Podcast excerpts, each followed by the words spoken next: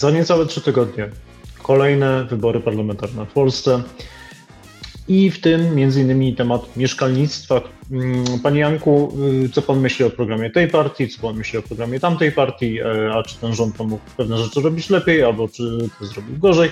Tak naprawdę żadna z partii nie stworzyła na te wybory, i też i w poprzednich latach, y, będąc u rządu, kompleksowego programu, że program, który miał pomagać, to, to tak naprawdę szkodzi, pomijając jego y, beneficjentów, a tak naprawdę szary człowiek jest zostawiony y, sam sobie. E, I postanowiłem w ramach też mojej firmy po prostu stworzyć moją rekomendację bezpartyjną, techniczną, moich 28 rekomendacji, które można w dużym skrócie streścić jednym krótkim zdaniem. Dużo mieszkań dostępnych po niskich cenach dla wszystkich grup Polaków. Witam Państwa serdecznie na kanale Jan Dziekoński o nieruchomościach i FLTR. Za niecałe trzy tygodnie kolejne wybory parlamentarne w Polsce. Po raz kolejny szereg różnych problemów, e, obietnic, programów, które się pojawiają w tej kampanii wyborczej dotykających e, różnych problemów e, dotyczących zarówno gospodarstw domowych Polaków, jak i przedsiębiorstw. I w tym między innymi temat mieszkalnictwa, który właściwie od samego początku III Rzeczpospolitej, ale tak naprawdę i PRL-u jest odwiecznym problemem społecznym, gospodarczym, trochę też i demograficznym. Przede wszystkim jest to problem polityczny, o który wszystkie tak naprawdę partie rządzące mają gdzieś na swoim radarze w ramach swoich programów. Często słyszę pytania, Panie Janku, y, co Pan myśli o programie tej partii, co Pan myśli o programie tamtej partii, e, a czy ten rząd mógł pewne rzeczy robić lepiej, albo czy to zrobił gorzej?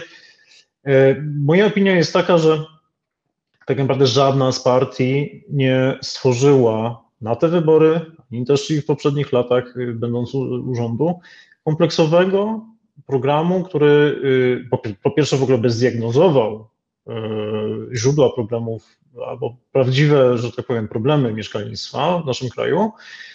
Nie wytyczył ambitnej strategii, która byłaby dość szeroka, ale przede wszystkim no, nie zaproponował na tyle szerokich rozwiązań i był na tyle cierpliwy w ich wdrażaniu, żeby te problemy rozwiązać. Więc mamy ponawiające się e, nagłówki prasowe czy, czy, czy utyskiwania, że mieszkania są drogie, że one są niedostępne, że program, który miał pomagać, to, to tak naprawdę szkodzi, pomijając jego e, beneficjentów, a tak naprawdę szary człowiek jest zostawiony e, sam sobie. I postanowiłem w ramach też mojej firmy po prostu stworzyć moją rekomendację bezpartyjną, techniczną dla kogokolwiek, kto będzie stał y, jakby u steru naszego państwa po tych wyborach, zwłaszcza kto będzie odpowiadał za takie Ministerstwa y, Budownictwa, czy resortu, który za budownictwo będzie odpowiadał, no żeby miał y, może odarty y, z wyborczej, że tak powiem, y, wyborczych konwenansów z jednej strony, albo też i takich emocji wyborczych, tylko takie trochę bardziej przemyślane i mimo wszystko płynące zarówno z doświadczenia mojego paneli ekonomicznej, doświadczenia w byciu deweloperem, doświadczenia w kupowaniu mieszkań na wynajem, doświadczenia e, w opiniowaniu też ustaw, bo też mam takie doświadczenia, e, które przede wszystkim ma na celu nie wygraną jednej czy drugiej partii, czy zysk jednej czy drugiej grupy politycznej, tylko zysk po prostu wszystkich Polaków. Moich 28 rekomendacji, które można w dużym skrócie streścić jednym krótkim zdaniem. Dużo mieszkań dostępnych, po niskich cenach dla wszystkich grup Polaków. Bardzo prosty. Na szczęście nie muszę kandydować, nie muszę bronić tego programu. Mogę mówić, co y, szczerze uważam i co szczerze płynie z, po prostu z mojej wiedzy i opinii i tego, co też słyszę po prostu od y, zarówno uczestników rynku y, deweloperskiego, budowlanego, trochę też i od samorządów, od NGO-sów, różnych po prostu zaangażowanych w ten rynek. Więc mam nadzieję, że ta kwintesencja, to nagranie też zarówno dla, dla Państwa jako wyborców, mam nadzieję, w tych wyborach będzie interesujące, ale przede wszystkim będzie inspirujące do naprawdę odważnych, potrzebnych nam działań na szczeblu y, politycznym. Życzę miłego oglądania. Moje rekomendacje powstały w ramach tak zwanego think tanku FLTR. FLTR to jest firma doradztwa strategicznego dla e, sektora nieruchomościowego, natomiast czasami pro bono e, dzielimy się naszą wiedzą czy opinią w różnych ważnych tematach i takim moim zdaniem też jest właśnie mieszkalnictwo. Pytanie, jak zapewnić dużą liczbę tanich e, mieszkań? Przede wszystkim Chciałbym zdefiniować y, i zdefiniuję w tym, jakby w tym nagraniu wyzwania, dwa tak naprawdę wyzwania, jakie polskie mieszkalnictwo ma przed sobą. Y, brak wystarczającej liczby mieszkań, brak wolumenu mieszkań, który zaspokajałby nasze potrzeby, ale po drugie niską dostępność cenową y, tychże mieszkań, które w ogóle są na rynku dla wielu grup społecznych. Tak naprawdę to są dwa problemy, które trzeba jednocześnie rozwiązać, a z reguły to, co słyszymy w programach e, wyborczych, mm, czy, czy rozwiązania, które były wdrażane w ostatnich latach, one z reguły dotykały je, tylko jeden z tych problemów. Niestety musimy zaatakować dwa naraz. Nie możemy sobie pozwolić na, na rozwiązywanie tylko jednego problemu, bo z reguły wtedy rozwiązania prowadzą do tego, że drugi z nich jeszcze bardziej nabrzmiewa. Opowiem następnie o tym, jaki e, stan docelowy, jaką wizję w ogóle dla polskiego mieszkalnictwa sobie wyobrażamy, a tą wizją jest po prostu duża liczba mieszkań o wysokiej dostępności cenowej dla różnych grup mieszkańców polskich, dla starych, młodych, biednych, y, bogatych, y, z dziećmi, bez dzieci, chcących posiadać mieszkanie, chcących wynajmować mieszkanie, chcących inwestować w mieszkania, albo być może chcących po prostu inwestować w jakikolwiek sposób oszczędności, bo mamy różne grupy potrzeb, różne grupy motywacji, dla których pojawiamy się na rynku nieruchomości e, i chciałbym, żeby to rozwiązanie no oczywiście rozwiązywało przede wszystkim e, problem podstawowy, dostępność mieszkań po prostu jako dach nad głową, e, ale żeby to osiągnąć, oczywiście trzeba rozwiązać szereg problemów i zdefiniowałem ku temu trzy po prostu obszary działań, kierunki rozwiązań, które trzeba wdrożyć. Stymulowanie podaży, o czym często politycy mówią, ale mało konkretów wskazują, w jaki sposób tą, y, ten, ten, tą podaż gruntów i mieszkań skutecznie stymulować. Po drugie, obniżanie krzywej podaży, czyli obniżanie kosztów y, dostarczania mieszkań na, na rynek, y, czyli nie tylko ile mamy mieszkań, ale też po ile, w jakich kosztach je budujemy. I po trzecie, coś, co rzadko jest dotykane, a jest bardzo istotne z perspektywy takiej mikroekonomicznej, dlaczego w ogóle y, moglibyśmy doprowadzić do niższych cen, mianowicie racjonalizacja popytu. Dzisiaj mamy bardzo mocno rozbuchany popyt i nie mówię tylko i wyłącznie o popycie na kupno po prostu mieszkania dla siebie, żeby w nim mieszkać, ale też po to, żeby y, może nim flipować, może wynajmować je na długi termin, może wynajmować je na krótki termin, a może po prostu, żeby stało puste i zyskiwało na wartości. Ten, biorąc pod uwagę y, normalny rynek, gdzie mm, nie mamy, że tak powiem, potrzeb y, jakichś istotnych społecznych, nie wiem, rynek jogurtu, o którym e, też i kiedyś nie, niedawno minister Buda też wspominał, nie potrzebujemy tam specjalnych interwencji państwa, no bo jeżeli będzie jogurtu mniej, no to może napijemy się kefiru i nie ma problemu. W przypadku mieszkań, no niestety, to jest problem wrażliwy y, społecznie, choć to ciekawe, niezależnie czy jesteśmy z lewej czy z prawej strony barykady politycznej, to jest problem. E, tak naprawdę wszyscy potwierdzają, że ten problem istnieje, więc myślę, że racjonalizacja popytu też e, jako ten to trzeci kierunek działania też e, powinien tu być brany pod uwagę. Wyjaśnię potem, w jaki sposób w ogóle te działania mają wpłynąć na obniżenie kosztów i jednocześnie dostarczenie większej liczby mieszkań, bo to z reguły jedno, w drugie, jedno z drugim w parze nie idzie. Chociaż zobaczymy, czy to jednak może być takie y, możliwe. I wreszcie na sam koniec y, przedstawię 28 szczegółowych inicjatyw, rekomendacji, y, które po prostu przyszłemu ministrowi budownictwa dedykuję. Ważny jest kontekst w ogóle, w jakim też stworzyliśmy, mm, czy ja stworzyłem, czy właśnie my, nasza firma, stworzyliśmy e, nasze e, rekomendacje. Pierwszą kwestią jest to, że problem mieszkalnictwa jest uniwersalny, znaczy dotyczy każdego, tak jak mówiliśmy, starych, młodych, mm, zamożnych, biednych, no bo e, zarówno osoba zarabiająca minimum, jakby minimum krajowe ma problem, żeby na przykład do, e, dostać mieszkanie komunalne, bo kolejki do takich mieszkań trzeba 100 tysięcy gospodarstw domowych.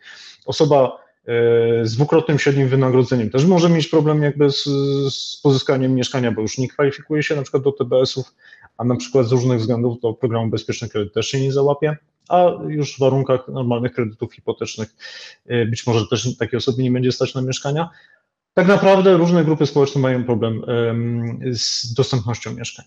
I ponieważ to jest uniwersalny problem, to rozwiązanie tego problemu nie może dotyczyć jednego wąskiego obszaru, mm, jednej grupy społecznej, e, jednej branży, która jakby za dotknięciem magicznej różki, e, rozwiązując jedną kwestię, nagle te wszystkie e, problemy mieszkalnictwa nam znikną. Nie. Potrzebne jest rozwiązanie, które dotyka szerokich, różnych grup interesów i w efekcie to rozwiązanie musi być solidarne. To znaczy, każda grupa interesów w Polsce w jakiś sposób musi się do rozwiązania tego problemu włączyć, bo też troszeczkę na tym mm, skorzysta.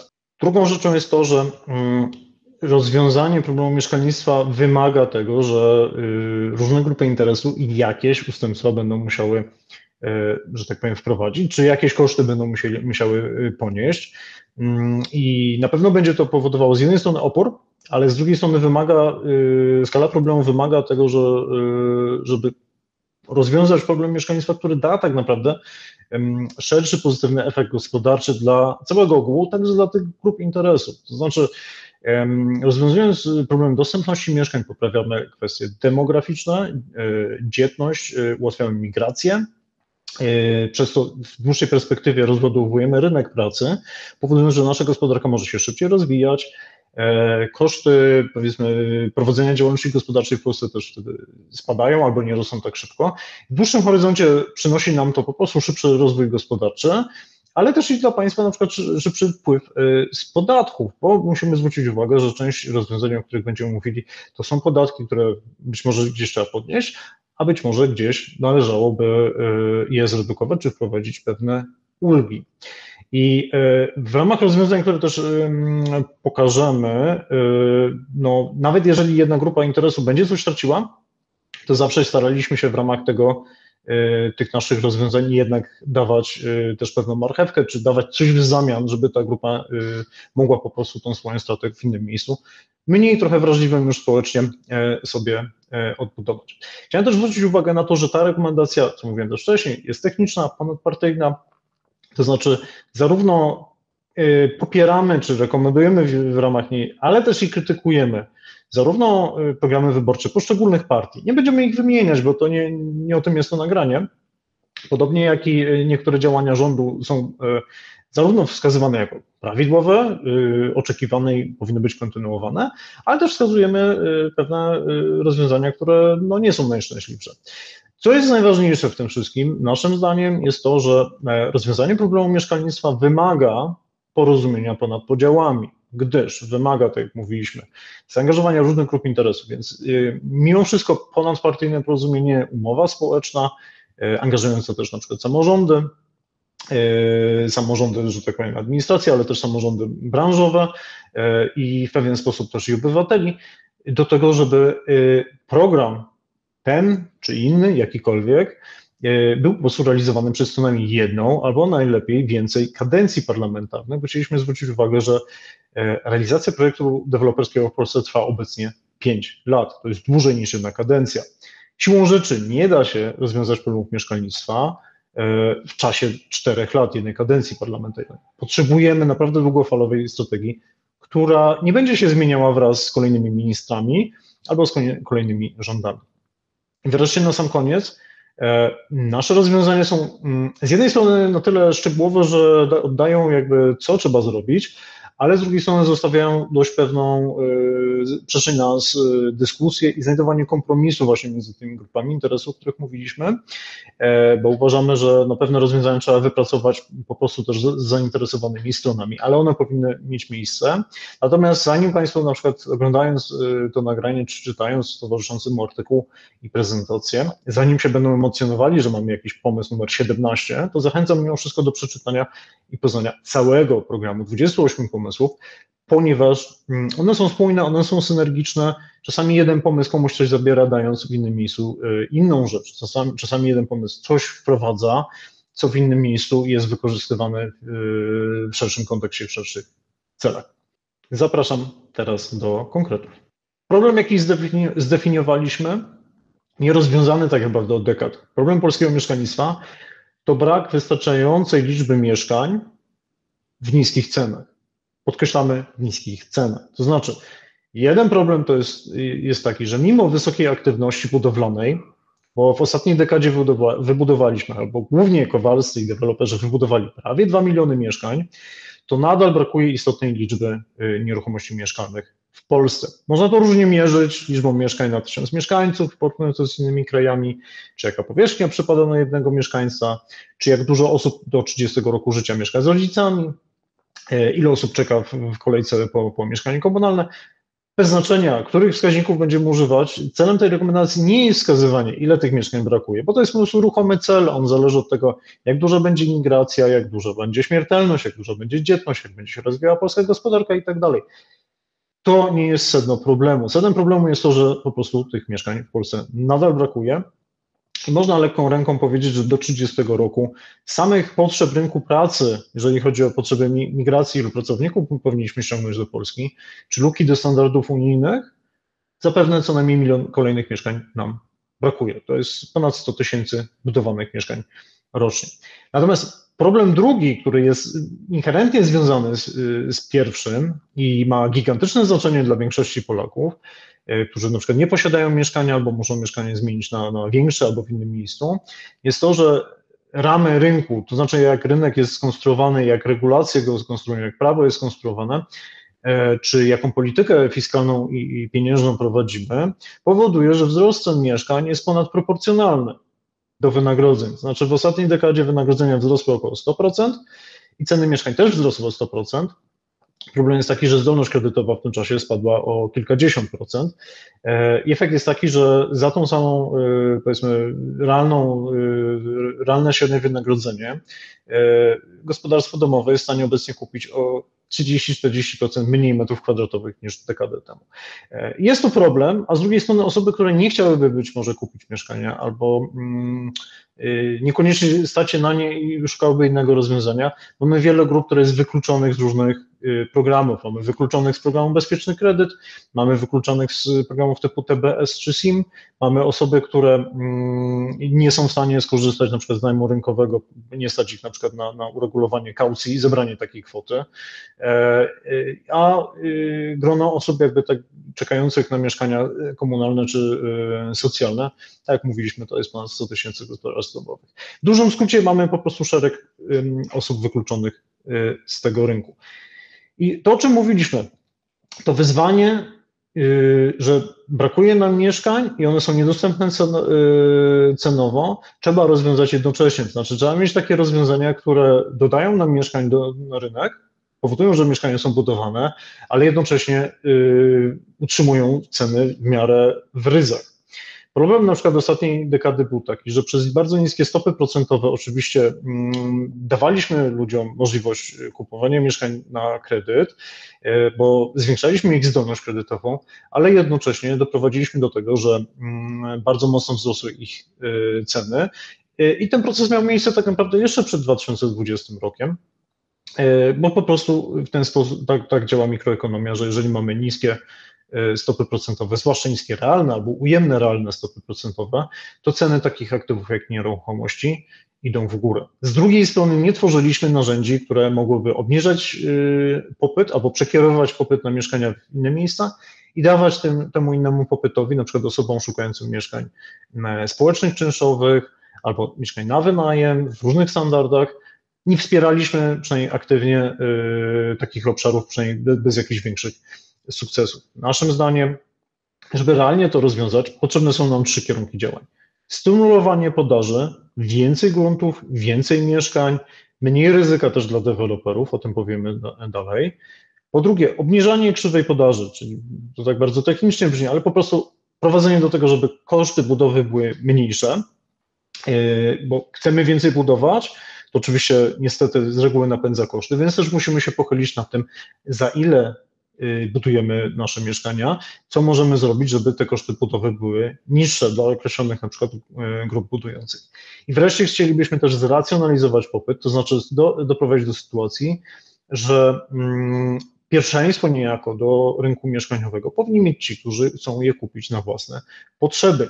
Jeśli to są osoby inwestujące, nie ma problemu. Niech inwestują, sam też inwestuję w mieszkania na wynajem, ale niech inwestują w takie mieszkania, które dodają podaży na rynku, które y, gdyby, gdyby tego inwestora nie było, no to, to dane mieszkanie nie trafiłoby na rynek i przede wszystkim dopilnowując, że y, mieszkania, które stanowią cel inwestycji, dalej trafiają na rynek najmu długoterminowego, czyli znowu zaspokajającego potrzeby rynkowe. E, dopiero jak zaspokoimy ten popyt, dopiero jak zrealizujemy wizję, o której zaraz powiem, to wtedy można sobie myśleć o, o jakichś tam dalszych inwestycjach. To mamy na myśli poprzez racjonalizację e, popytu. Zdecydowanie odradzamy stymulowanie popytu, czyli dosypywanie pieniędzy do strony popytowej, żeby rozwiązywać jakieś problemy. Dlaczego? Bo być może nawet jeżeli w jakiś sposób zastymulujemy podaż, czy budowanie mieszkań, choć doświadczenia programu Rodzina na swoim, a teraz też bezpiecznego kredytu nie do końca potwierdzają e, taką tezę, że sypanie pieniędzy stymuluje podaż, to zdecydowanie stymuluje wzrost cen i powoduje, że dla większości społeczeństwa E, mieszkania stają się mniej dostępne.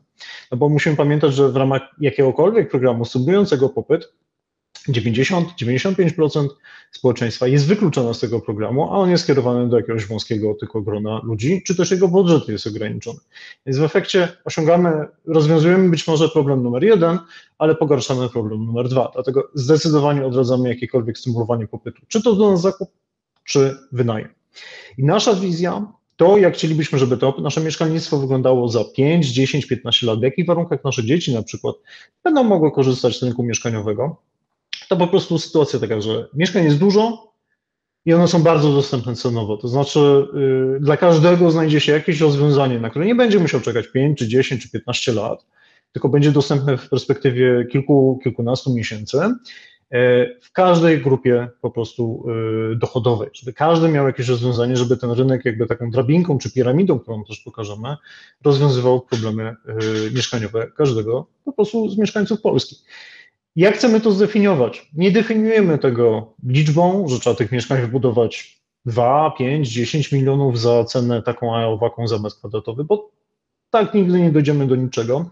Chcielibyśmy, żeby definiować ten cel po prostu bardziej jakościowo, żeby po prostu koszt, udział kosztów e, utrzymania mieszkania w budżecie gospodarstwa domowego spadał.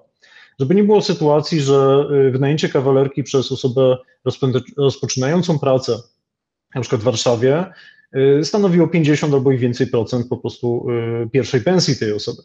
A tak, z taką sytuacją mamy trochę do czynienia dzisiaj. Żeby po prostu mieszkania nie ciążyły w budżecie domowym. Żeby Y, liczba gospodarstw domowych, która czeka na najem lokali zasobów komunalnych, gminnych, y, czyli znowu tych y, osób o, o najbardziej wrażliwych jakby mm, ekonomicznie, żeby ta liczba nie rosła, ale dynamicznie spadała, albo najlepiej spadła do zera. Żeby udział osób pełnoletnich, które mieszkają z rodzicami, także spadała, a najlepiej spadła być może nie do zera, bo mieszkanie z rodzicami też jest przyjemne, ale żeby spadła do takiego minimum, które samemu już decyduje się na, na e, taką sytuację życiową, a nie jest do tego zmuszona. I wreszcie, żeby na przykład udział gospodarstw domowych, które żyje w przeludnieniu, które według statystyk u nas sięga 40%, żeby też spadła do absolutnego minimum. Jak osiągniemy te cztery punkty, to mogę e, Państwu zagwarantować, że naprawdę będziemy wtedy zadowoleni z naszego mieszkalnictwa. Ile musimy do tego czasu zbudować mieszkań? Nikt nie wie, bo to zajmie nam co najmniej kilka lat, ale myślę, że co najmniej w ciągu mm, następnych pięciu lat mm, do 2027, do kolejnych wyborów parlamentarnych, dobrze by było, żeby e, nowy rząd po prostu stworzył wszystkie ramy, inicjatywy, które mogą doprowadzić do tych celów. Jeżeli te wskaźniki będą się poprawiały, będziemy wiedzieli, że jesteśmy na dobrym celu do zrealizowania naszej wizji. Teraz w jaki sposób te trzy kierunki działań, które y, wspomniałem, mają być osiągnięte. W jaki sposób one mają doprowadzić do tego, że mieszkań będzie więcej i jednocześnie będą tańsze. E, to są te kierunki działań i cele, które w ramach nich y, możemy osiągnąć. Pierwszym z nich jest stymulowanie wolumenu podaży, czyli powodowanie, że deweloperzy czy firmy budowlane, bo to nie zawsze deweloper musi być tutaj inwestorem, bo to może być gmina, to może być fundusz inwestycyjny, żeby y, mogli budować więcej w tych samych kosztach. to powoduje tak zwane przesunięcie krzywej podaży w prawo, co powoduje spadek cen i zwiększenie wolumenu dostarczanych mieszkań na rynek. I żeby to osiągnąć, mamy szereg działań, które powinny zwiększyć ilość zarówno publicznych, ale też i prywatnych gruntów, które są w obrocie rynkowym. Bo dzisiaj mamy problem z tym, że duża część gruntów jest zamrożona. Zamrożona przez ustawy albo zamrożona przez zachowania ich właścicieli. Po drugie, chcielibyśmy, żeby zwiększyć przygotowanie gruntów y, do budowy, żeby one były lepiej przygotowane pod kątem infrastruktury drogowej, mediów, ale też i urbanistycznej, czyli planów ogólnych, czy miejscowych planów zagospodarowania przestrzennego, z którymi oczywiście ciągle mamy dużo do czynienia, ale to trzeba stymulować nie tylko poprzez oczekiwania wobec samorządów, ale też poprzez odpowiednie środki finansowe czy motywację właśnie do, do tychże samorządów. E, uważamy, że jest szereg e, obszarów do deregulacji barier dla efektywnego i bezpiecznego procesu deweloperskiego. Dla wielu osób to się może e, wydawać dziwne. Jaki bezpieczny proces deweloperski? Przecież deweloperzy dużo zarabiają na budowaniu. Deweloperzy prowadzą biznes. I w ramach danego każdego biznesu przedsiębiorca w ramach realizacji po prostu sprzedaży danego produktu E, no mierzy się z, z, kosztami z jednej strony, a z drugiej strony mierzy się z ryzykiem, czasem do realizacji jakiegoś zysku. Jeżeli proces uzyskiwania przykład pozwoleń na budowę będzie efektywny, będzie krótszy, będzie upstrzony, jakby upstrzony mniejszą liczbą ryzyk, e, które naczyhają na takiego dewelopera. Jeżeli ten deweloper będzie w stanie szybciej zrealizować swój projekt e, z mniejszym ryzykiem, mogę Wam zagwarantować, że ja jako znowu też deweloper po, po przejściach, każdy z nich z chęcią y, zaakceptuje mniejszy zysk, bo on będzie po prostu realizowany szybciej. Na koniec dnia ten deweloper więcej zarobi, bo będzie szybciej realizował kolejne projekty, a my jako konsumenci będziemy się cieszyć większą liczbą mieszkań. Ale tutaj jest szereg rzeczy do poprawy. Wreszcie y, nie tylko grunty, nie tylko projekty deweloperskie, ale wreszcie zwiększenie skali prywatnego, publicznego, ale i też mieszanego, czyli połączeniu publiczno-prywatnym budownictwa mieszkań. Drugą rzeczą jest obniżanie krzywej podaży, czyli powodowanie, że mm, możemy wybudować daną liczbę mieszkań taniej. I tutaj mm, jakby wiele zależy oczywiście od y, generalne, generalnego otoczenia makroekonomicznego, cen surowców, kosztów pracy i tak dalej. Natomiast jest szereg elementów, które można poprawić, żeby koszt budowania budynku mieszkalnego był możliwie niski. Pierwsze to jest obniżanie presji kosztowej ciążącej na producentach y, materiałów budowlanych. E, które dotyczą zarówno sfery energetycznej, jak i sfery e, częściowo podatkowej. Dotyczy to presji kosztów pracy dotyczących całego sektora budowlanego, bo to jest produkcja materiałów budowlanych i e, realizacja usług budowlanych. I ta presja kosztów pracy tak naprawdę dotyka każdego przedsiębiorstwa w Polsce. I wreszcie po trzecie, ograniczenie obciążeń podatkowych, które ciążą na budownictwie mieszkaniowym, przede wszystkim na inwestorach, w tym inwestorach publicznych. Na dokładkę jeżeli zwiększymy poprzez te działania w tej części A mm, ilość, czyli w stymulowaniu wolumenu podaży, ilość gruntów, która jest w obrocie, doprowadzimy, że te grunty będą lepiej przygotowane do budowy, mm, to tak naprawdę doprowadzimy do tego, że koszty gruntów będą też spadały. No bo znowu, to są prawidła y, standardowe y, mikroekonomii. Jeżeli zwiększamy podaż jakiegoś dobra, w tym przypadku gruntów, a chcemy symulować właśnie naszymi działaniami też podaż gruntów, w efekcie doprowadzimy do tego, że tych projektów będzie musiało być więcej, gruntów więcej będzie na sprzedaż, więcej będzie projektów deweloperskich. To też będzie wywoływało tak zwaną presję na spadek cen gruntów i też pośrednio presję na y, spadek marży deweloperskiej. To też będzie na koniec dnia doprowadzało do tego, że um, kupujący będą mogli się cieszyć niższymi cenami, a deweloperzy dzięki temu, że dostaną bardziej przejrzysty i bardziej y, mniej ryzykowny proces deweloperski, lepiej sfinansowane być może, to y, dzięki temu ta niższa marża deweloperska nadal będzie bardzo dobra, bo y, będzie po prostu realizowana w, niż, w innych y, warunkach rynkowych.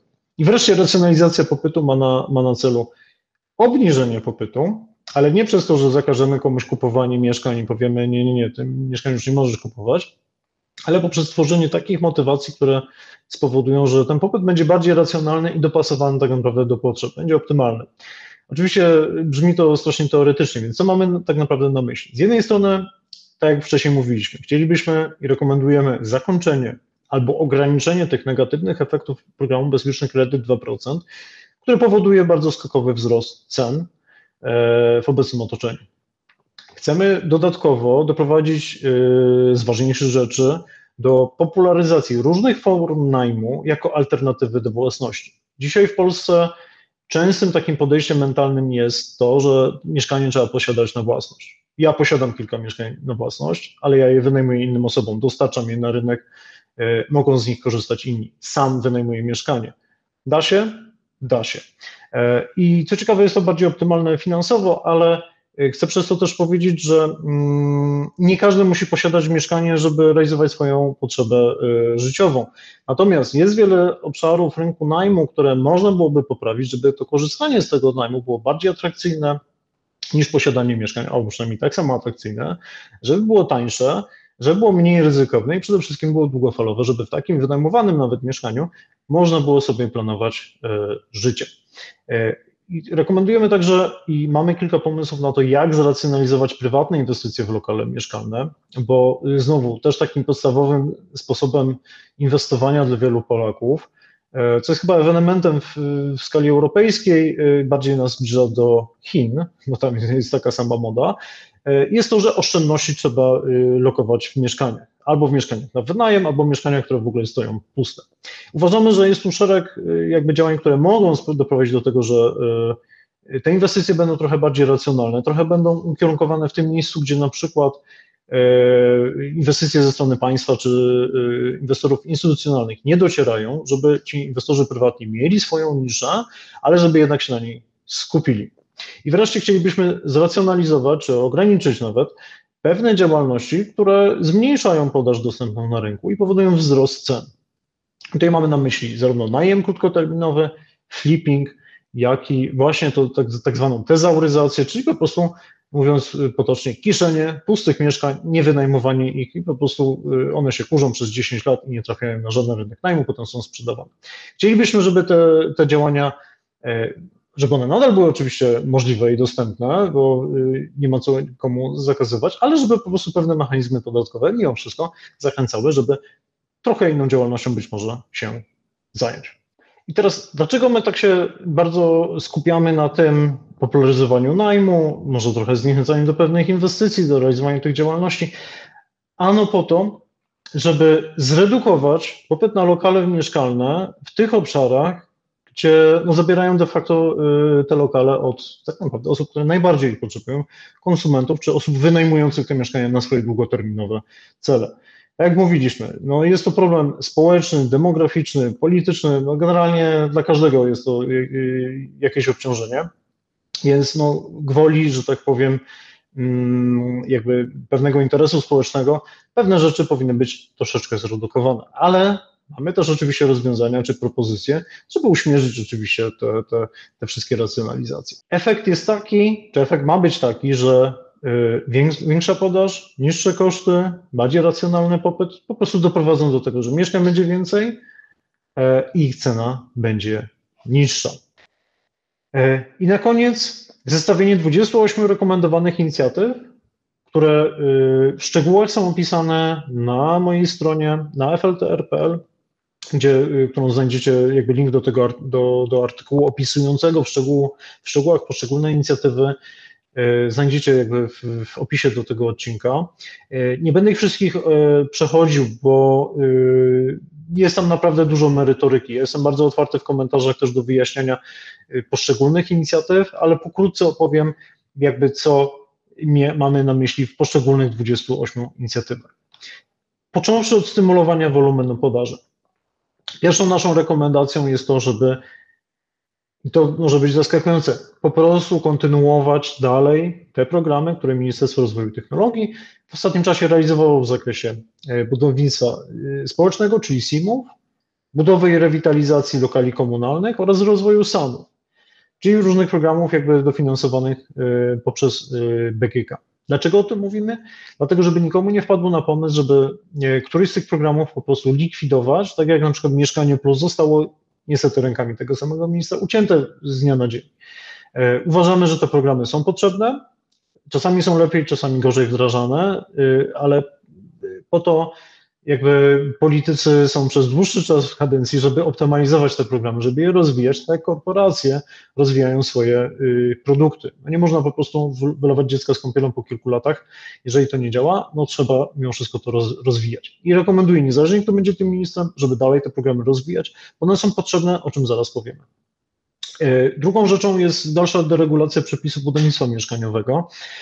I tutaj jest szereg różnych tematów, y, począwszy od walki z patodeweloperką przez y, Lex Developer po y, zmiany na przykład ostatnie wprowadzone w, w zakresie uzyskiwania decyzji środowiskowych na przykład dla parkingów.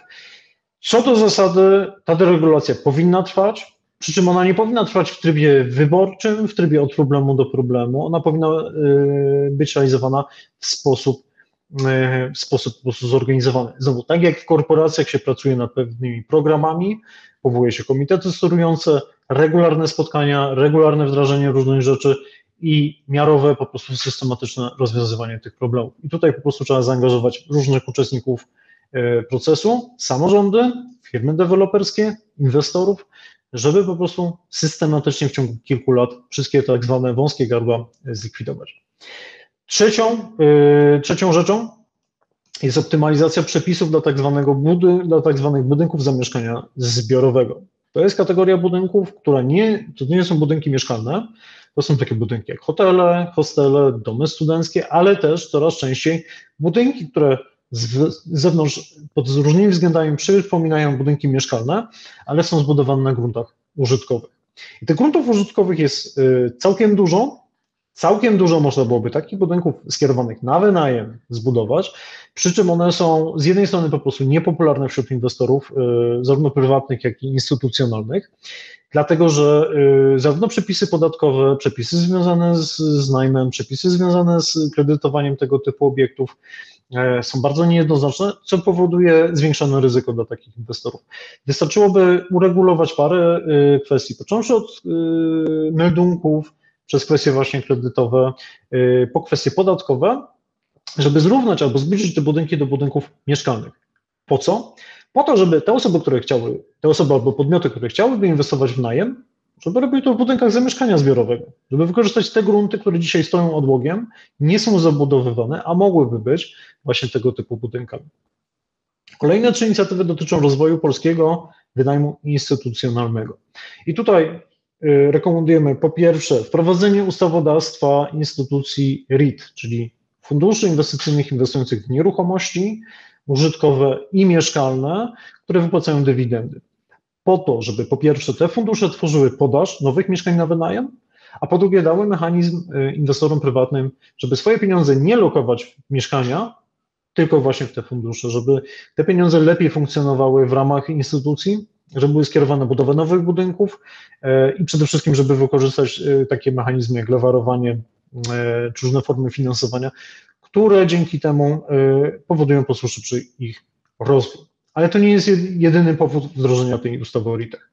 Rekomendujemy, żeby kontynuować i nadal rozwijać tak zwany fundusz mieszkań na wynajem. To jest de facto prekursor najmu instytucjonalnego w Polsce, po to, żeby ten fundusz wchodził do kolejnych miast, pokazywał w kolejnych mniejszych miastach, że można wynajmować mieszkania w dużej skali, żeby kolejne fundusze, y, czy to polskie, czy zagraniczne, mogły inwestować w nową podaż, nowe budynki na wynajem lokalizowane w tych, w tych miastach. Tutaj podkreślamy to, że y, fundusze nie zabierają mieszkań kowalskim, bo oni kompletnie co innego zamawiają u deweloperów albo sami budują. I zwłaszcza jeżeli będą budować te budynki zamieszkania zbiorowego, to w ogóle problemu zupełnie nie ma, jeżeli chodzi o jakąś konkurencję. Natomiast chodzi o to, żeby ta nowa podaż na wynajem y, tam się pojawiała. Y, fundusz mieszkań na wynajem powinien być też otwarty na joint ventures, czy właśnie na współpracę z różnymi funduszami, żeby coraz więcej finansowania po kierować na ten polski rynek, żeby wspierać to budownictwo, ale też i wspierać nową podaż. I warto też rozważyć w jakiejś perspektywie czasowej IPO, czyli po prostu wejście funduszu mieszkań na wynajem na giełdę właśnie jako REIT. Właśnie po to, żeby polska rodzina, polski Kowalski mógł zainwestować mieszkania na wynajem w kilkunastu miastach w Polsce, w atrakcyjnych cenach, bo ten fundusz akurat te ceny ma w miarę wyrównane, poprzez po prostu kupno akcji na giełdzie. A nie poprzez to, że musi iść do dewelopera czy na rynek wtórny kupować jakieś tam mieszkanie. Żeby to było proste, łatwe i przyjemne. Kolejnym krokiem, punkt szósty, to dalsze wsparcie właśnie rozwoju tychże RIT-ów, zwłaszcza polskich RIT-ów, poprzez y, takie mechanizmy, które pozwolą nam na to, żeby środki z kont mieszkaniowych, to jest element programu Pierwsze Mieszkanie, które mocno wspieramy, jak i programów PPE czy PPK, y, czyli y, programów emerytalnych w częściach kapitałowych, po to, żeby część tych środków szła na rozwój krajowych RIT-ów. Za granicą, na przykład w Szwajcarii, trzeci filar 5 do 10% pieniędzy trafia na szwajcarskie nieruchomości. Dlaczego polski emeryt, czy właśnie oszczędzając na emeryturę, nie może swoich pieniędzy w tak łatwy sposób skierować na polskie nieruchomości. Rekomendujemy, żeby takie mechanizmy pewne utworzyć, a po drugie, żeby utworzyć też możliwość, żeby część tych środków szła na finansowanie, czy na przykład poprzez obligacje komunalne, czy inne mechanizmy, zarówno budowy infrastruktury technicznej, drogi, media oraz urbanistycznej, plany ogólne, plany miejscowe, gmin. Po prostu, żeby te finanse od polskich y, oszczędzających trafiały tam, gdzie one są potrzebne, żeby tą podaż tworzyć. Lepiej uzbrojone tereny z planami y, zagospodarowania przestrzennego oznaczają większą podaż gruntów i szybszą możliwość budowania na tych gruntach po prostu nowych mieszkań. To jest wspieranie podaży. Jeżeli chodzi o współpracę z gminami, to y, rekomendujemy też stymulowanie y, budownictwa w ramach właśnie programów partnerstwa publiczno-prywatnego poprzez dwie, dwa działania. Po pierwsze, rekomendujemy stworzenie funduszu na kształt seed albo venture capital, podobnych jak na przykład PFR Ventures, przy na przykład PFR Nieruchomości, żeby ten fundusz inwestował, a właściwie koinwestował y, z deweloperami w uzyskiwanie tak zwanych zintegrowanych planów inwestycyjnych. To są takie, można powiedzieć w dużym skrócie, to jest tak zwany land development, to jest takie działanie, które pozwala na wypracowanie razem z gminą wspólnego rozwiązania, jak dany kawał terenu zabudować, tam gdzie jeszcze nie ma miejscowego planu, żeby móc szybciej przystąpić po prostu do budowania. Y, po co ma się w to PFR nieruchomości angażować? Po to, żeby z jednej strony Mm, po prostu realizować swoją y, misję wspierania y, budownictwa. Taki fundusz tak naprawdę ograniczałby ryzyko dewelopera, który działałby w kierunku uzyskania tego, takich zintegrowanych planów inwestycyjnych, ale przede wszystkim powodowałoby to, że tych planów byłoby znacznie, znacznie więcej. Więcej planów oznacza więcej możliwości budowy, oznacza więcej podaży. Punkt ósmy. Rekomendujemy dalsze wsparcie czy właśnie y, rozwinięcie mechanizmów y, umożliwiających właśnie takie programy PPP mieszkaniowe z gminami. Czy to właśnie poprzez te zintegrowane plany, żeby łatwiejszy, bardziej przejrzysty, bardziej uregulowany podatkowo sposób możliwe były transakcje na zasadzie deweloper ustala z gminą konkretny plan, w zamian za pewne inwestycje deweloper oddaje gminie, że za przysłowiową złotówkę czy za poniesione koszty jakąś część lokali na cele najmu właśnie społecznego czy komunalnego. To jest jeden obszar. I drugi obszar jest taki, że gminy posiadają ciągle wiele pustostanów, na których nadal, mimo na przykład dopłat czy wsparcia z BGK, po prostu nawet nie są w stanie administracyjnie nimi się zająć. I rekomendujemy tutaj też stworzenie przejrzystych, wystandaryzowanych metod, na przykład udzielania dzierżawy takich budynków inwestorom prywatnym, którzy w zamian za to, że za ich remont będą mogli je przez 10 czy 15 lat wynajmować, a później oddadzą wyremontowane w stanie już podniesionej y, wartości gminom, które dalej będą mogły realizować swoje cele właśnie y, mieszkaniowe. I wreszcie ważny obszar związany z odblokowaniem dodatkowej podaży gruntów do zabudowy. I tutaj jest oczywiście temat dość kontrowersyjny, ale naszym zdaniem bardzo istotny dla odmrożenia podaży gruntów, która dzisiaj często te grunty po prostu leżą sobie odłogiem i są traktowane jako długoletnia inwestycja. Jeżeli są traktowane jako długoletnia inwestycja, to tak naprawdę znowu społeczeństwo nie korzysta e, z mieszkań, które mogłyby na tych gruntach powstać. I tutaj rekomendujemy zastąpienie tak zwanej renty planistycznej podatkiem dla gruntów o przeznaczeniu e, budowlanym mieszkaniowym. Co to oznacza w dużym skrócie? Dzisiaj jest tak, że jeżeli w danym miejscu zostanie uchwalony miejscowy plan zagospodarowania przestrzennego, to przez pięć kolejnych lat większość gruntów na danym terenie jest zamrożona, nikt ich nie sprzedaje, bo by musiał zapłacić tak zwaną rentę planistyczną. W naturalny sposób to ogranicza podaż gruntów. Naszym zdaniem tą rentę trzeba zlikwidować, a w jej miejsce wstawić podatek, który spowoduje, że jeżeli po określonym czasie inwestor posiadający grunt na danym terenie, gdzie jest miejscowy plan, nie zacznie tam budować żadnych budynków albo ich nie zbuduje, no to po prostu będzie płacił większe, większe podatki. Po to, żeby zmotywować y, właścicieli tych gruntów albo do ich odsprzedaży, albo do budowania na ich, na ich terenie po prostu budynków, czy to y, mieszkalnych, no bo na tym powinna się skupiać ta regulacja. Niby prosta rzecz, może być kontrowersyjna, ale naszym zdaniem to skokowo doprowadzi do, do skokowego jakby zwiększenia podaży gruntów. Więc oczywiście wprowadzanie takich podatków trzeba rozpisać na pewne lata, dać pewną przejrzystość i czas na przygotowanie się właścicielom tych gruntów, ale uważamy, że w perspektywie tych pięciu lat coś takiego powinno być prowadzone. Kolejna rzecz, yy, która wcześniej doprowadziła do trzykrotnego wzrostu cen gruntów rolnych, czyli yy, ustawa o kształtowaniu ustroju rolnego, powinna być stopniowo, miarowo i w pewnym zakresie zderegulowana. To znaczy, po pierwsze, yy, tak zwana blokada czy ograniczenie w obrocie gruntami rolnymi, które są na, w terenach, w granicach administracyjnych miast, powinna zostać kompletnie zniesiona. Y, bo dzisiaj część tych gruntów nie może być w ogóle kupiona przez y, kogoś, kto nie jest rolnikiem, a nawet y, w trakcie takiego zakupu mamy po prostu do, do czynienia w pewnych barierach czasowych w realizowaniu takich transakcji.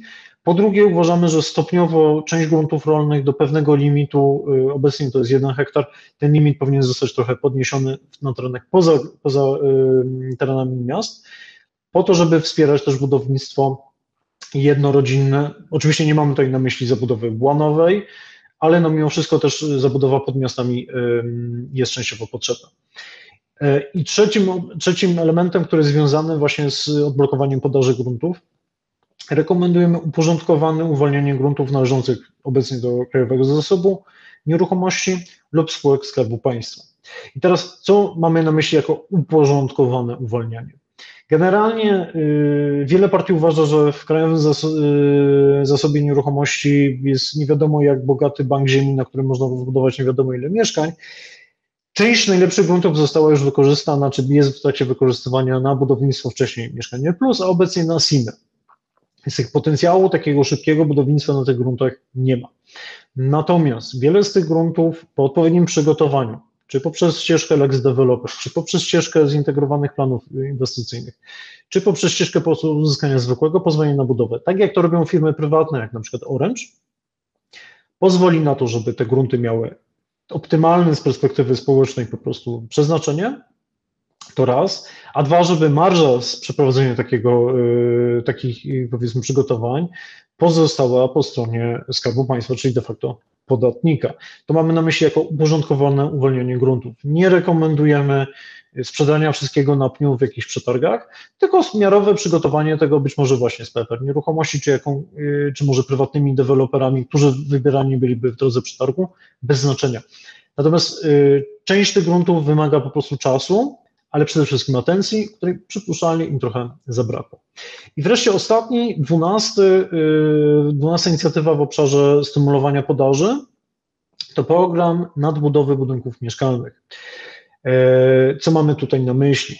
Jakaś część budynków, która powstała w okresie PRL, y, daje możliwości, żeby dodać kolejną jedną, dwie albo i więcej kondygnacji w lekkiej technologii drewnianej, E, podobnie jakaś część budynków e, i z okresu PRL, i z okresu przed, e, sprzed II wojny światowej daje też możliwość na zagospodarowanie, zmiany przeznaczenia poddaszy na cele mieszkalne. I teraz w tym zakresie po pierwsze rekomendujemy wyasygnowanie w ramach programów BGK dedykowanego wsparcia dla wspólnot, dla spółdzielni, dla właśnie TBS-ów, SIM-ów i tak dalej, właśnie na przeprowadzenie tego typu zadań, bo one pewnych kosztów jakby wymagają i można to włączyć po prostu w istniejące już programy właśnie wspierające y, termomodernizację i rewitalizację. Po drugie, y, proces tak naprawdę nadbudowy budynku czy zagospodarowania poddasza jest tak naprawdę administracyjnie trudniejszy niż budowa kompletnie nowego budynku.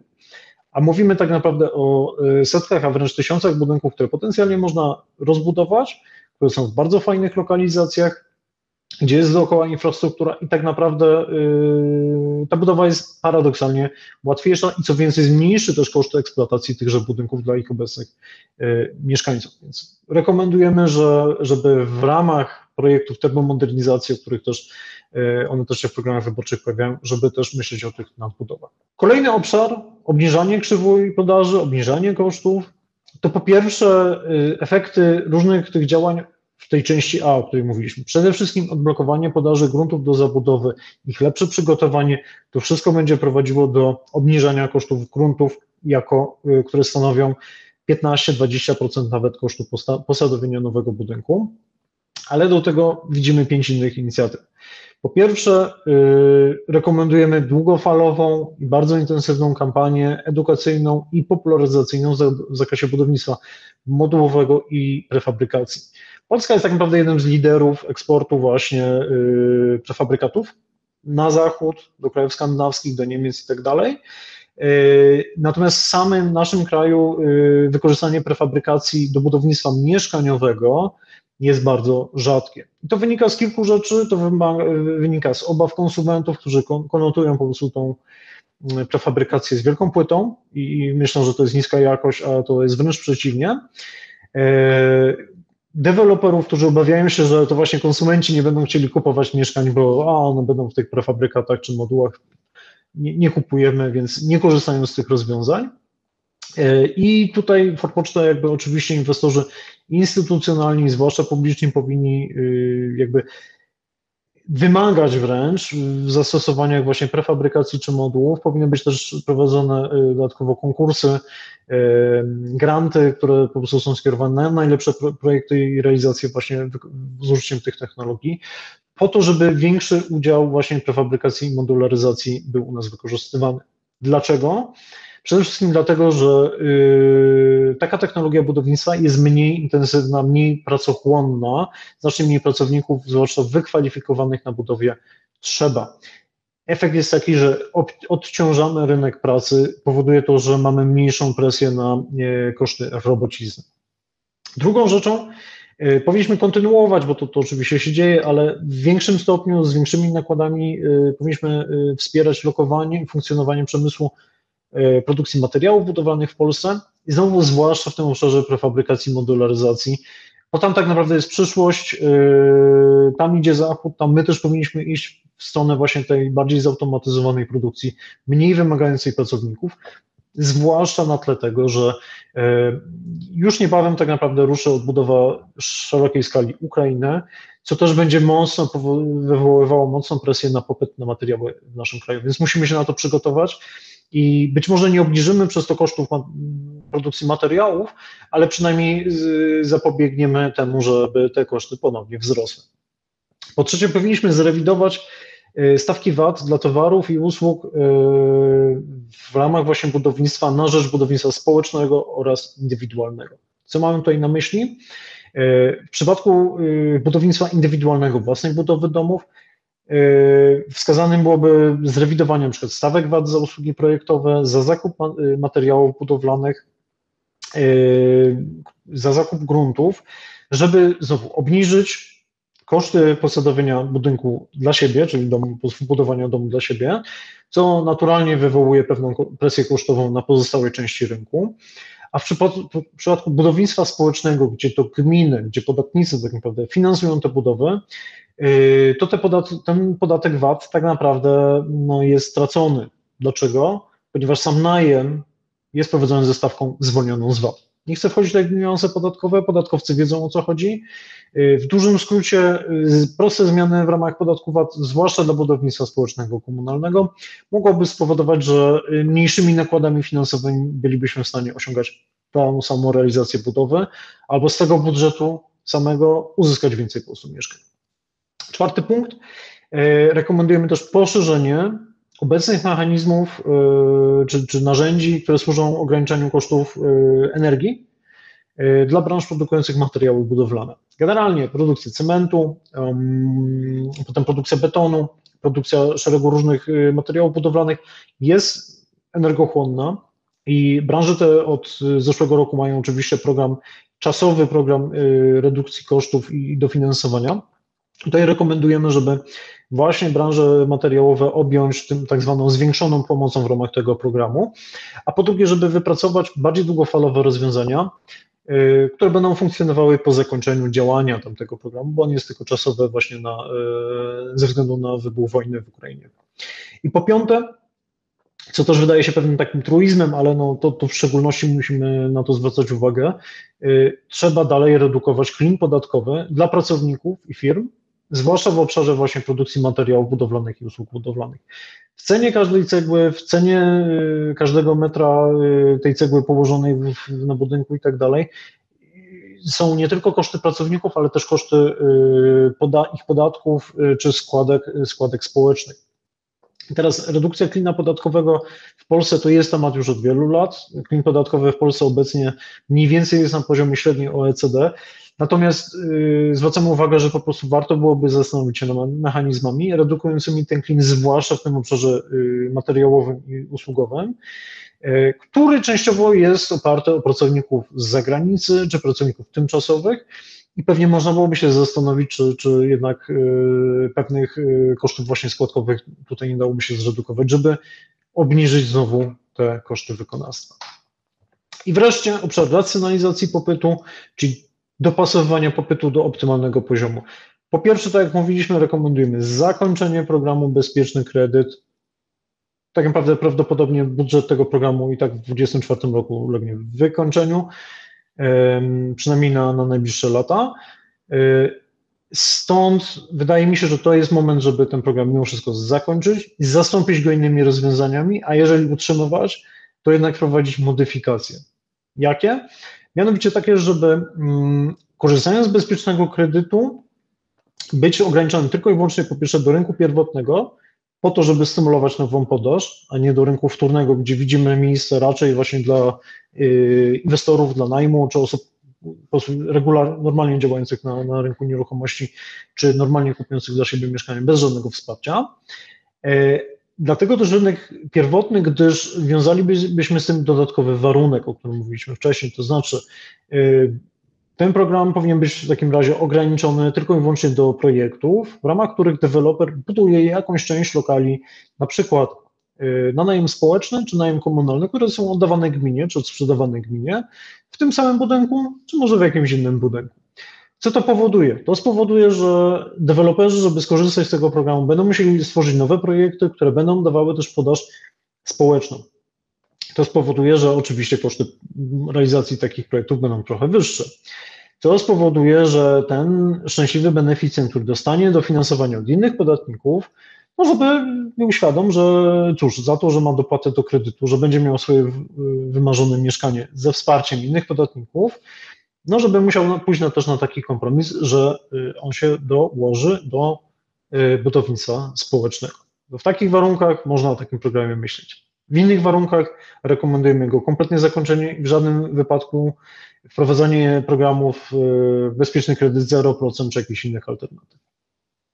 Następnie widzimy cztery inicjatywy wspierające najem, powodujące, żeby najem stał się realną alternatywą do własności mieszkania, po to, żeby skorzystanie z najmu nie było oznaką e, jakiegoś, jakiejś przegranej życiowej czy nieporadności, tylko po prostu racjonalnej decyzji wybrania czegoś, co jest po pierwsze tańsze, po drugie jest równie bezpieczne i równie przewidywalne, a po trzecie być może nawet w lepszych warunkach czy lepszej lokalizacji.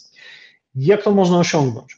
To jest oczywiście skomplikowane i tutaj chcielibyśmy zacząć po pierwsze od intensywnej i długofalowej kampanii zwiększania po prostu akceptacji dla różnych form najmu e, i zwiększania też wiedzy i edukacji w zakresie właśnie praw i obowiązków w zakresie najmu o co chodzi. Z jednej strony musimy zmienić mentalność naszych rodziców i nas, same, na, na, nas samych, być może naszych dzieci, co do tego, że najem jest po prostu tak, taką samą y, formą jakby realizowania naszych celów mieszkaniowych. Po drugie, żeby wiedzieć, że my jako najemcy mamy określone prawa i nie można nas wyrzucić od tak z mieszkania, ale z drugiej strony też y, jakby wyedukować naszych właścicieli wynajmujących, od których wynajmujemy, wynajmujemy mieszkania, że e, oni pewne też prawa mają, ale też i oczywiście obowiązki, po, po, po to, żeby po prostu z tego rynku najmu odrzeć te różne mity, obawy, żeby pokazać, że to jest normalnie działający rynek po prostu można na nim normalnie funkcjonować. Po drugie, rekomendujemy wprowadzenie dla osób rozpoczynających pierwszy najem, czyli stawiających ten pierwszy krok, wychodzących właśnie na przykład z, z domu rodzinnego, jednorazowego wsparcia właśnie na tej pierwszej, pierwszej ścieżce. Wsparcia bezzwrotnego pod warunkiem, że przez ileś tam miesięcy dana osoba będzie opłacała regularnie czynsz najmu, żeby z jednej strony mm, jakby, że, że tak powiem, zachęcić, wyedukować po prostu ludzi do, te, do tej regularności z jednej strony, a z drugiej strony, żeby dać to narzędzie, żeby dana osoba miała środki na pokrycie kaucji, czy przede wszystkim środki na doposażenie mieszkania, bo tutaj rekomendujemy też oczywiście najem mieszkań pustych w długoterminowym okresie, czy też na dofinansowanie właśnie partycypacji w TBS czy SIM. Wskazujemy, że to powinno być jednorazowe wsparcie na start, a nie regularna dopłata, yy, co jest pomysłem jednej z partii. Dlaczego nie rekomendujemy regularnych dopłat do czynszów? Ano dlatego, że po prostu to w sposób naturalny i natychmiastowy doprowadzi do skokowego wzrostu czynszów o wartość tej dopłaty. Dokładnie tak działa bezpieczny kredyt, tak samo się wydarzy z czynszami najmu. Dlatego rekomendujemy danie tylko wędki w postaci wsparcia właśnie do tego pierwszego kroku na rynek najem, do, na zachętę, uwarunkowane oczywiście pe pewnymi y, kryteriami, ale nie kontynuowanie tego wsparcia już y, w dalszym kroku. Następnie rekomendujemy stopniowe podnoszenie progów dochodowych dla TBS-ów i SIM-ów, po to, żeby y, to narzędzie nie było ograniczone tylko do wąskiego, może nie takiego wąskiego, ale do grona osób, które zarabiają y, poniżej średniej krajowej, y, ale też do osób o trochę wyższych dochodach, po to, żeby stopniowo zwiększać y, liczbę osób, które mogą z tych programów korzystać. Co ciekawe, wiele z nowych projektów SIM-ów w ostatnim czasie miało problemy po prostu ze skompletowaniem wszystkich partycypujących, czyli po prostu tych najemców, co, powod, co pokazuje, że y, ten, jakby ten najem społeczny on nie cieszy się tak, tak, takim powodzeniem. Dlaczego? Bo po pierwsze nie jest, nie ma takiej do, do końca świadomości, że można z niego skorzystać, a po drugie te progi dochodowe wykluczają po prostu osoby, które mogłyby y, z tego najmu korzystać. Więc rekomendujemy, żeby stopniowo te progi były podnoszone, dzięki temu, że, że będziemy dużo nakładów też kierowali właśnie na to budownictwo społeczne. Dzięki większej liczbie osób korzystających z najmu społecznego będziemy odciążać te inne obszary rynku. I wreszcie punkt piąty w obszarze racjonalizacji popytu. Rekomendujemy popularyzację wieloletnich umów najmu, ale jednocześnie z uproszczeniem zasad eksmisji najemców e, z zaległościami.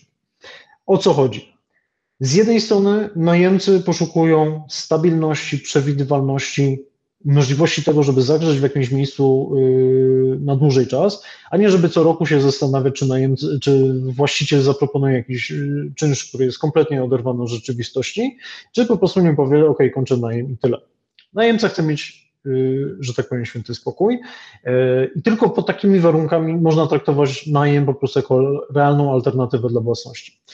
Z drugiej strony właściciele też mają uzasadnione obawy wobec najemców, yy, którzy się obawiają, że yy, w momencie, kiedy trafią na tego, na ten 1% nieuczciwych najemców, którzy notorycznie po prostu unikają płacenia i potem wykorzystują yy, powiedzmy pewne luki w ustawie o ochronie praw lokatorów, nadużywają de facto własności tych wynajmujących, no i też w naturalny sposób się być może obawialiby takich długoletnich jakby długoletniej współpracy. I tutaj rekomendujemy stworzenie z jednej strony mechanizmów prawnych, zmian w przepisach, ale też stworzenie jednego takiego złotego, nazwijmy to, standardu umowy ramowej, która umożliwiałaby wieloletni albo bezterminowy najem po mieszkania, dając pewne bezpieczeństwo najemcy, dając mu przewidywalność kosztów, bo byłaby ona oparta o indeksację, czynszu, co też daje właścicielowi bezpieczeństwo tego, że, że ten czynsz będzie podążał za na przykład inflacją, ale z drugiej strony dających też narzędzia takie jak y, możliwość szybkiej eksmisji, nie wymagającej najmu instytucjonalnego czy, czy najmu okazjonalnego, ale po prostu eksmisji w sposób uproszczony osób, które mają po prostu zaległości powyżej jednego Y, miesiąca, co łatwo jest uregulować na przykład odpowiednim rejestrem, y, rejestrem dłużników właśnie w obszarze, najmu, który byłby publiczny i dostępny po prostu dla, dla właścicieli mieszkań na wynajem. Tylko zbliżając interesy najemców i właścicieli, bo tak naprawdę ich interesy są zbliżone. Właściciele chcą mieć święty spokój, najemcy chcą mieć święty spokój. Wszyscy natomiast mają problem przez to, że 1% i najemców, i być może trochę większy procent wynajmujących. Czasami te relacje próbuje nadużywać. Więc tutaj rekomendujemy właśnie takie narzędzia, żeby ci, którzy chcą grać fair, żeby mogli grać fair. Kolejne trzy obszary, czy, czy inicjatywy, szósta, siódma, ósma, dotyczą obszaru racjonalizacji prywatnych inwestycji w mieszkania. I teraz e, punkt szósty. Po pierwsze, mm, wiele osób dlatego decyduje się na inwestowanie w mieszkania na wynajem, ponieważ nie ma w ogóle nawet świadomości, jak dużo różnych e, zróżnicowanych instrumentów finansowych i emerytalnych istnieje, które mogą swoje środki e, lokować. Począwszy od obligacji skarbowych indeksowanych inflacją, przez różne rozwiązania typu ETF-y, które paradoksalnie zmniejszają ryzyko, a dają wyższe stopy zwrotu niż mieszkania i są znacznie bardziej wygodne jakby inwestycyjnie, po RIT-y, które byłyby wprowadzone. Żebyśmy Polaków przekonali do tego, żeby być może część swoich oszczędności nie ładowali w, tylko i wyłącznie w mieszkania, ale może w inne y, instrumenty, musimy po prostu ich edukować, edukować, edukować, nie tylko poprzez YouTube, ale też poprzez kulturę, y, kulturę popularną, poprzez y, media, poprzez y, darmowe szkolenia, edukację szkolną. To jest proces znowu rozpisany na lata. Z drugiej strony uważamy, że y, progresja opodatkowania dochodów z najmu prywatnego, to znaczy prowadzonego poza działalnością gospodarczą, powinna być znacznie silniejsza. Po to, żeby Kowalski, który nie zajmuje się tym profesjonalnie, nie dostarcza swoim najemcom z reguły wartości dodanej, żeby, ok, może mieć jedno mieszkanie na wynajem, może mieć dwa mieszkania na wynajem, jak chce mieć więcej mieszkań na wynajem, niech założy działalność gospodarczą, albo godzi się na wyższe podatki, lub skieruje swoje inwestycje w inne miejsca, które dają, e, jakby nie generują takich efektów zewnętrznych, jak inwestowanie w mieszkania na wynajem, zwłaszcza na rynku pierwotnym. Dlaczego zwłaszcza na rynku pierwotnym? No bo rynek pierwotny ma wiele sposobów y, jakby zagospodarowania przez konsumentów, przez osoby kupujące, bo tam oni się przede wszystkim kierują. Jeśli już inwestujemy w mieszkania na wynajem, to naszym zdaniem, o czym mówimy w punkcie ósmym, powinniśmy inwestować zwłaszcza w rynek wtórny. Dlaczego? Bo to tam właśnie kowalscy, yy, zarówno ci mali, ci, jak i ci bardziej profesjonalni, mają najwięcej możliwości, żeby dodać wartości, doda, dodać wartości poprzez rewitalizację mieszkań, na przykład właśnie z okresu PRL-u albo z okresu jeszcze przedwojennego, gdzie są konieczne duże nakłady na remonty. Dzisiaj natomiast mamy takie otoczenie podatkowe, że inwestowanie w ten rynek wtórny nie jest w żadenkolwiek sposób yy, wynagradzane takim inwestorom.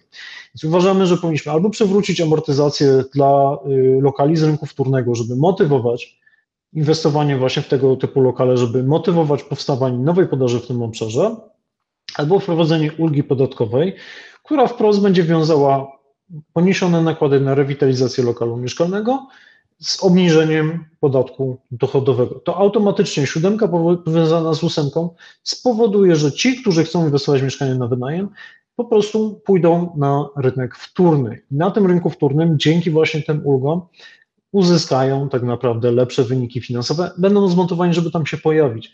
Oni tam stworzą podaż nowych mieszkań, które w normalnych warunkach nie, mogłyby być może nigdy nie trafić na rynek, bo konsumenci z reguły nie lubią kupować mieszkań do remontu generalnego, gminy nie radzą sobie z tego typu nieruchomościami, fundusze inwestycyjne nie działają na tym obszarze, a deweloperzy kompletnie ich to też nie interesuje. Dlatego ta rola y, prywatnego inwestora też jest istotna i ona powinna być skanalizowana w kierunku y, rynku y, wtórnego. Tutaj jeszcze chciałem tylko nadmienić, że w tym punkcie siódmym i ósmym kluczowe jest to, żeby wprowadzenie tego typu narzędzi, podobnie zresztą jak kilku innych, które, o których mówimy, było rozpisane w czasie. To znaczy, żeby mm, zmiany podatkowe dotyczyły przede wszystkim nowych zakupów, żebyśmy chronili prawa nabyte, co niestety z czym było często na bakiet w ostatnich latach, e, i żebyśmy przede wszystkim e, wpływali na to, co będzie w przyszłości, po to, żeby nikt nie był pokrzywdzony co do inwestycji, które były dokonane wcześniej. I wreszcie racjonalizacja działalności ograniczających podaż. I tutaj mamy trzy znowu działania. Po pierwsze, e, podwyższenie podatku PCC albo poprzez inny podatek w ramach tak zwanego powtarzalnego obrotu. Co mamy tutaj na myśli? Mamy na myśli, że aby w sytuacjach, kiedy jakiś podmiot, y, grupa kapitałowa, osoba fizyczna y, w ciągu roku kupuje więcej niż na przykład 3 albo 4 mieszkania, żeby takie zakupy były dodatkowo opodatkowane. W jakim celu? Ano w takim celu, żeby y, jednak zniechęcać do dość intensywnego flippingu. Dlaczego? No ponieważ różne badania wskazały, że od 4 do nawet czasami 8 albo i więcej procent y, obrotu na rynku y, mieszkaniowym jest flippingiem. Część tego flippingu dodaje wartość, natomiast część takiej działalności to są tak zwane flipy na brudno, cesje, flipy na rynku pierwotnym, które jakby poziom dodania wartości jest no, bardzo dyskusyjny w zakresie tego typu działalności, a które powoduje pewne ograniczenie mieszkań, zabieranie ich jakby konsumentom z rynku. Wprowadzenie takiego podatku ma, miałoby na celu po pierwsze albo zmotywowanie osoby, które chcą prowadzić działalność flippingową do koncentrowania się na droższych nieruchomościach, w efekcie powodując, że mm, tych transakcji jest mniej. No i tu jest koncentracja na domach jednorodzinnych, drogich mieszkaniach sektora premium, gdzie nie ma problemu zasadniczo rynkowego, to nie jest problem społeczny w takim obszarze, gdzie po prostu ta, ta ich działalność mogłaby się skoncentrować, odciążając rynek mieszkań popularnych, lub też motywując ich do tego, żeby remontowali mieszkania, żeby dostarczali na rynek po prostu tą podaż już wyremontowaną, żeby była dodana wartość przez takiego flipera. W jaki sposób? Ano dlatego, żeby tam zaszyć w ramach tego podatku ewentualną ulgę na poniesione nakłady. Flipping na zasadzie kupię tanio, sprzedam drożej, albo kupię, bo miałem dobre relacje z deweloperem, a potem sprzedam drożej, no powinien być zdecydowanie ograniczony. Kolejnym elementem jest regulacja najmu krótkoterminowego, które w przypadku niektórych miast, jak na przykład w Warszawie, w tej chwili jest e, dobrze ponad 6 tysięcy obiektów e, dostępnych w formie najmu krótkoterminowego w całym mieście. I to jest nieznacznie więcej niż ile jest w ogóle obecnej, w obecnej chwili e, lokali mieszkalnych na wynajem w ofercie w Warszawie. Najem krótkoterminowy, co często na Zachodzie też w ramach badań było potwierdzane, ma niestety wpływ na ograniczanie podaży y, nieruchomości w, dany, w danych obszarach i wpływa na wzrost cen y, zarówno mieszkań, jak i najmu y, na danym terenie. Naszym zdaniem powinna być tutaj wprowadzona działania, które miałyby przede wszystkim ograniczyć ilość y, jakby mieszkań, które są oferowane przez cały rok w formie najmu krótkoterminowego. To znaczy działalność do 180 dni, czyli do pół roku, y, do pół roku y, można ją traktować jako okazjonalną. Ta powinna być dopuszczona, bo to są zarówno jakby sytuacje tak zwane losowe, jak i są takie miejsca właśnie jak na to Trójmiasto, gdzie mamy ewidentnie wysoki sezon i faktycznie ten najem krótkoterminowy tam rozładowuje sytuację jakby tą turystyczną. Natomiast prowadzenie takiej działalności przez okrągły rok no, powinno być albo skoncentrowane tylko i wyłącznie na y, budynkach zamieszkania zbiorowego, czyli obiektach dostosowanych do takiego najmu, albo po, po prostu y, powinno być wykluczone, albo opodatkowane, czy musiały być prowadzone w ramach działalności gospodarczej. To znaczy, powinny być narzucone pewne warunki prowadzenia tej działalności przez y, więcej niż pół roku. Tutaj biorąc pod uwagę, że najem krótkoterminowy dotyczy specyficznych miejsc, rekomendujemy, żeby taka regulacja no, miała tak zwany mechanizm opt-out. To znaczy, żeby każda gmina mogła sama podjąć decyzję, yy, czy ona chce mieć taką regulację u siebie wprowadzoną, ograniczającą najem krótkoterminowy, czy z różnych względów, na przykład ponieważ jest to gmina turystyczna, która chce wspierać właśnie ten najem turystyczny, ta gmina postanawia wyjść spod tej regulacji i umożliwić prowadzenie jej yy, w skali całego roku każdemu. E, no i tutaj wskazujemy na to, że po prostu też trzeba dążyć do tego, że gminy, samorządy i obywatele są e, uprawnieni po prostu do tego, żeby te regulacje e, kształtować. I naszym zdaniem ten najem krótkoterminowy też nie można go traktować zero-jedynkowo, że on jest co do zasady złe. Natomiast są obszary, gdzie jest zdecydowanie potrzebne, a są obszary, gdzie może niestety być szkodliwe.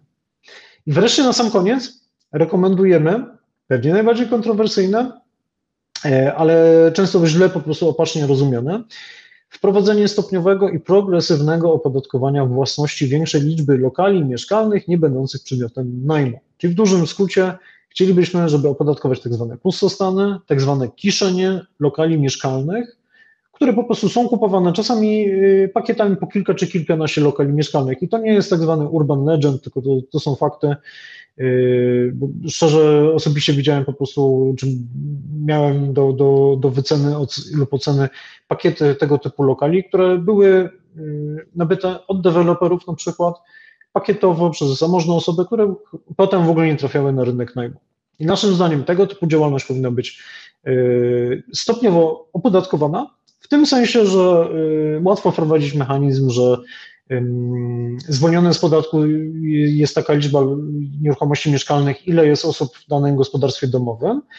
Natomiast jeżeli ktoś już ma ich dwa razy więcej, pięć razy więcej, dziesięć razy więcej, no to z automatu te lokale powinny być dość mocno opodatkowane, po to, żeby po prostu motywować te osoby do kierowania tych lokali po prostu na rynek najmu.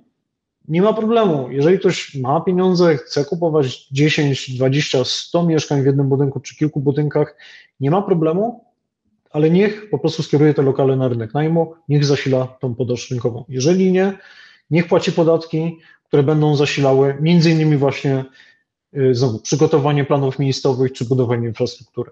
Coś za coś. Tak to powinno funkcjonować. I oczywiście jest, mam świadomość, że wiele osób kojarzy po prostu ten, ten temat z podatkiem katastralnym. Moim zdaniem to, to jest zupełnie inna, inna sprawa, bo podatek katastralny dotyczy wszystkich, a tutaj mamy na myśli konkretnie tylko i wyłącznie pustostany.